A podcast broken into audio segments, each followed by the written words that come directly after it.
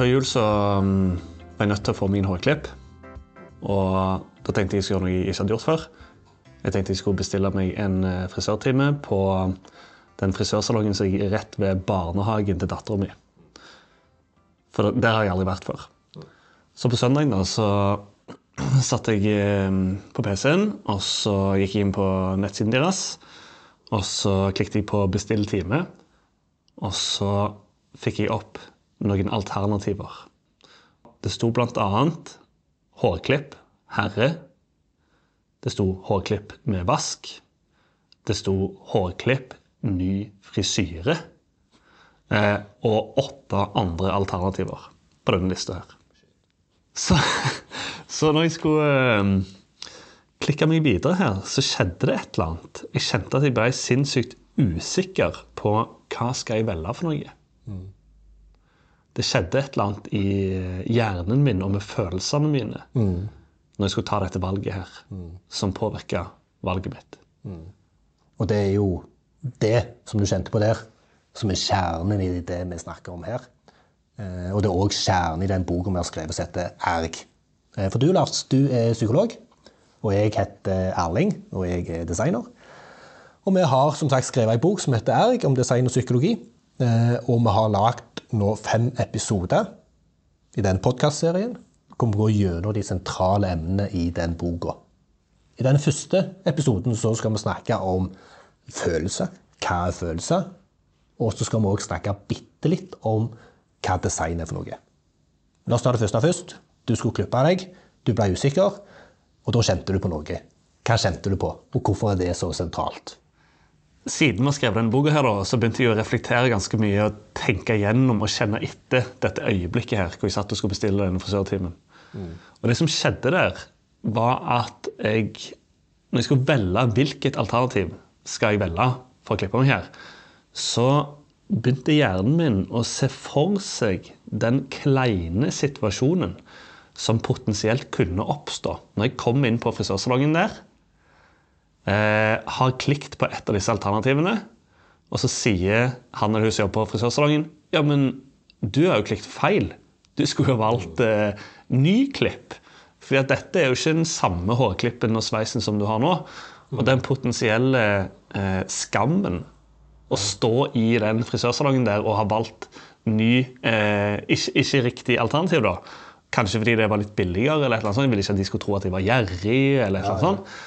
Og, pga. alle disse mulige ubehagelige følelsene som kunne oppstå på et senere tidspunkt, så gjorde jeg det som jeg tror mange gjør i en sånn situasjon. Fant den frisørsalongen som jeg har brukt de siste to årene. Gikk inn der, ett alternativ, smakk, klikk. Bestilte meg eh, frisørtime der. Ja. Og så testa jeg ikke ut den nye. Trygt og godt. Du var ikke redd for at noen negative følelser skulle oppstå i den situasjonen? Nei, absolutt ikke. Der visste jeg hva jeg eh, fikk, og, og jeg visste at det kommer ikke til å oppstå noen ubehagelige følelser på den frisørsalongen. Og når du sier ubehagelige følelser, kan du fortelle litt om eh, hva det er for noe? Og hvordan vi kategoriserer det? Absolutt. Og følelser er jo et veldig sånn sentralt uh, tema i den boka som jeg har skrevet. Og følelser er jo noen av de sterkeste drivkreftene som vi mennesker har. Det er eh, en biologisk prosess. Det skjer noe i kroppen vår, det skjer noe i hodet vårt, i tankene våre. Det gir oss eh, det som vi kan kalle for noen sånn atferdsimpulser. Vi får lyst til å handle eller gjøre et eller annet basert på hvilke følelser vi kjenner, eller muligens kan kjenne i framtida. Så følelser er en sånn en eh, overlevelsesmekanisme som alle oss mennesker er født med. Eh, og på tvers av kulturer ser vi at de samme følelsene går igjen. da. Så det er noe sånn veldig sånn grunnleggende i mennesket. Og hva, hva for noen følelser er det som går igjen? Ja, um, Dette har jo forskerne holdt på med lenge. da, og faktisk så Charles Darwin, som er kjent for evolusjonsteorien, har skrevet en egen bok om følelsene. Og Noe av det han studerte, var bl.a. ansiktsuttrykk i mennesker. Han så på hvilke musk muskelgrupper som aktiveres når de ulike eh, følelsene oppstår, og sett på sjimpanser osv. Så, videre. så um, forskere har forska lenge på dette greiene her. Og så har en blitt sånn tålelig enig i hvert fall om at vi har noen sånne grunnfølelser eller basalfølelser eh, i oss mennesker. Og det er bl.a. glede. Eh, det er frykt. Eh, det er sinne.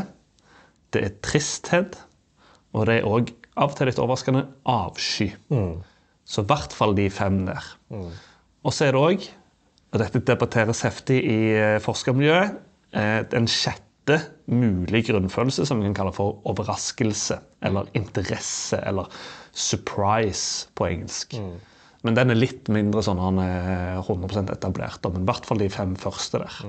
Og det har jo jeg selvfølgelig lagd et akronym på de følelsene der. Det er godsaft. Eh, uten D, så istedenfor D-en så er det en apostrof. Og godsaft, saft, det er da G for glede, O for overraskelse, så jeg har tatt den inn. Eh, trenger kanskje ikke være der, men det er jo, hvis du vil huske den, så er den der. Saft, det er jo sinne. Eh, avsky, frykt og tristhet. Veldig greit. Det er sånn jeg husker de, de grunnfølelsene. Ja, og, det, ja, og dette står det òg om i boka, faktisk. Ja, det gjør det. Det er til og med en illustrasjon av ei flaske hvor det står godsaft på. Stemmer. I, til, I tillegg til disse grunnfølelsene da, så er det noen følelser som er viktige. Jeg nevnte den ene i det frisøreksempelet, hvor um, skam, f.eks. Mm. Det er en gruppe av følelser som vi kaller for sosiale følelser. Og det har i uh, hvert fall tre følelser i seg. Det er skam, Uh, det er skyld, og det er følelsen stolthet. Og de er òg ganske viktige i produkt- og tjenesteutvikling. Fordi at eh, du vil ikke at brukeren din skal føle veldig mye skam og skyld, stort sett, når de bruker produktet ditt. Fordi at det vil eh, påvirke eh, i ytterste konsekvens salgstallene dine. Ja. Eh, I hvert fall brukeropplevelsen. Så um, det som er superinteressant med følelser, da, er jo at de påvirker valgene våre mye mer enn folk flest er klar over. Sånn som det eksempelet med frisøren der, så er det hjernen min spår på noen millisekunder, eller sekunder i hvert fall, en potensiell framtid. Og at jeg kan stå i en situasjon hvor jeg må føle skam. Og det liker jeg ikke. Og dette, jeg må bare si, for det, det, dette er jo en av de store, store aha-opplevelsene for meg, når vi begynte å snakke for mange år siden. Det med vår evne til å forutse i framtida negative følelser. Hvor mye det påvirker våre valg. Når du sier det, så, så virker det litt opplagt. Men samtidig, det var ikke noe jeg var bevisst på før du sa det til meg. Og det tror jeg påvirker så mange valg innenfor hvilke produkter og tjenester en velger å bruke. Absolutt. Og eh, f.eks. følelsen sinne, da. Som for, sånn som alle andre følelser er på en skala av intensitet fra 0 til 100. Hvor hvis du er 100 i sinne, så er du forferdelig sint. Rasende. Eh, mens hvis du er kanskje 15 eller 20, så er du liksom litt sånn småirrig. Mm. og litt frustrert, kanskje. Som ungdommen sier. Stemmer. og så eh, er det jo sånn da at hvis det er elementer av produktet og tjenesten din som vekker litt av følelsen sinne trenger ikke liksom 100 raseri, det tror jeg ikke så mange, følelser, nei, for så mange produkter som vekker, men hvis de vekker potensielt irritasjon, frustrasjon, og hjernen min spår at det kommer til å skje hvis jeg bruker appen din, eller går inn i butikken din, så kommer jeg ikke til å gjøre det. Fordi jeg har lyst til å unngå den ubehagelige følelsen. Så følelser er noe av de sterkeste drivkreftene i oss, fordi vi styrer ofte unna de vanskelige, ubehagelige følelsene. Og så oppsøker vi ofte de mer gode følelsene, sånn som glede. Ja, men det, det var den, en av de andre aha-opplevelsene jeg hadde når vi begynte å snakke om dette her. Av disse her grunnfølelsene så er det bare én som er positiv. Glede. Og den er ikke så viktig. Nei. Kan du snakke litt om det? Ja, den er kortvarig. Eh, den, de andre sterke, ubehagelige følelsene får forrang. Så hvis de potensielt kan oppleve glede, men i hvert fall nokså sterk frykt eller nokså sterk irritasjon, i tillegg så kommer jeg til ofte til å velge å styre unna. Så glede er ikke så viktig for oss. Og det er sikkert en sånn evolusjonsmessig forklaring. For disse følelsene prøver å signalisere til oss om vi bør gjøre det eller ikke. Så det er en sånn, de fungerer som en sånn indre GPS. De negative følelsene handler om overlevelse og reproduksjon. Glede er ikke en så stor faktor inni det som Nei. de negative. Stemmer det. Og noen har jo til og med lurt på hvorfor har menneskefølelsen glede? Hva slags evolusjonsmessig Funksjon. ja, funksjon og effekt har det? Trenger vi det? Eh, og så er det en, en, teori som heter The Broughton and Build eh, Theory, eller Hypothesis, som sier noe om at hvis vi føler følelsen glede eh, og lite av de andre, så er vi faktisk bedre på å tenke utenfor boksen. Og være mer kreative. Mm. Så det er jo en viktig følelse kanskje i eh, designprosessen. Ja. Eh, nettopp for å få mm. ut gode ideer og, og tenke utenfor boksen. Men, men poenget vårt har jo til og med et kapittel som heter 'Glem glede'. Ja, og det er jo at glede er kortvarig, og hvis du har et element med produktet og tjenesten din som trigger glede, så kommer du ikke til å gjøre det over tid. Mm. Så det er mye lurere å fokusere på de elementene som vekker sinne, eh, tristhet, mm. frykt, skam, skyld osv. Mm. Fordi jeg syns du har et veldig godt eksempel på det her. At hvis jeg forteller deg en vits, og du syns den er veldig løyen, ja. så kan det jo tenkes at du ler, ler første gangen. Men hvis de forteller den syv ganger bra, ja. så er jeg ganske sikker på at du ikke ler. Nei, Da tror jeg kanskje følelsen eh, sinne i form av irritasjon kunne oppstått. Ja, absolutt. Og nå er jeg lei av å høre den vitsen. Ja. For faen. Absolutt. Og, og, og, så er det jo et annet element med følelser som òg skriver om i boka, er at de er veldig tett linka til hukommelse. Ja. Og følelser er som flybensin for hukommelse. Fordi at de tingene som har vekka nokså sterke følelser i oss, de brenner seg fast i langtidsminnet vårt. Mm. Så hvis du har hatt en sinnssykt irriterende opplevelse med ei nettside, mm. så glemmer du ikke. Og igjen, da spår hjernen din at neste gang jeg skal prøve å bestille noe fra nettsida der òg, så kommer den samme følelsen til å oppstå, som igjen gjør at eh, jeg unngår det. Velger heller konkurrentens eh, nettside. Og jeg tror òg et annet perspektiv på det der er hvis du forutser at du kommer til å få en negativ opplevelse med en tjeneste, og du ikke gjør det, så er det noe du kommer til å huske. Sannsynligvis ikke like godt som hvis du får en negativ følelse, men følelsen av at du Altså den lettelsen du får, mm. eh, vil du òg huske. Absolutt. Når den vonde følelsen går vekk. Og dette er jo en grunn til at vi mennesker bruker jo ofte andres følelser til å spå hva følelse det jeg kommer til å få der. Mm. Vi leser f.eks. reviews og kommentarer. 'Å ja, han eller hun syns at uh, dette produktet her ble fort ødelagt. Mm. Det er jo irriterende. Mm. Eller det er jeg redd for at skal skje. Ja, fordi Det som er det fine perspektivet her, at det, eh, er jo følelser det handler om. Når en leser disse her omtalene og ser at noen har hatt problemer, så er det jo følelsen du frykter at du kommer til å få hvis du får det problemet, eh, du vil unngå. Mm. Stemmer det. Og ja. Det er mer følelsen forbundet med det enn problemet i seg sjøl. Absolutt. Vi vil ikke kjenne på sterkt uh, ubehag. Og det er jo helt sykt konge. det gir liksom en helt ny dimensjon ja. Eh, når en tenker på produkter og tjenester. Ja. Som jo er grunnen til at vi skrev denne boka. Absolutt. Og i, dette er interessant, altså, fordi senest i går så, så jeg et klipp av um, Y Combinator, en sånn startup-lab ja. uh, i, i USA hvor han ene der snakket, sikkert en drivende dyktig designer, han snakket om the importance of delighting your customers. Mm. Og Da satt jeg og tenkte sånn mm, Ja, OK. er det egentlig det? Ja, Han hadde veldig mye bra å si, altså. men akkurat den biten der tror jeg er en sånn vanlig misforståelse blant mange designere. At vi må skape delight og glede hos våre ja. kunder og brukere. Og det Ja, som du sa, vi har et kapittel som heter Glem glede. Mm. Sier ikke at glede er uviktig, Nei. men det er mye mindre viktig enn det det ofte snakkes om. Fokuser heller på å fjerne eller redusere de negative følelsene enn å øke glede. Absolutt. Helt til slutt så skal vi ta og bare snakke fort, for at i boka er det en hel del eh, hvor vi skriver om designmetodikken og hva design er.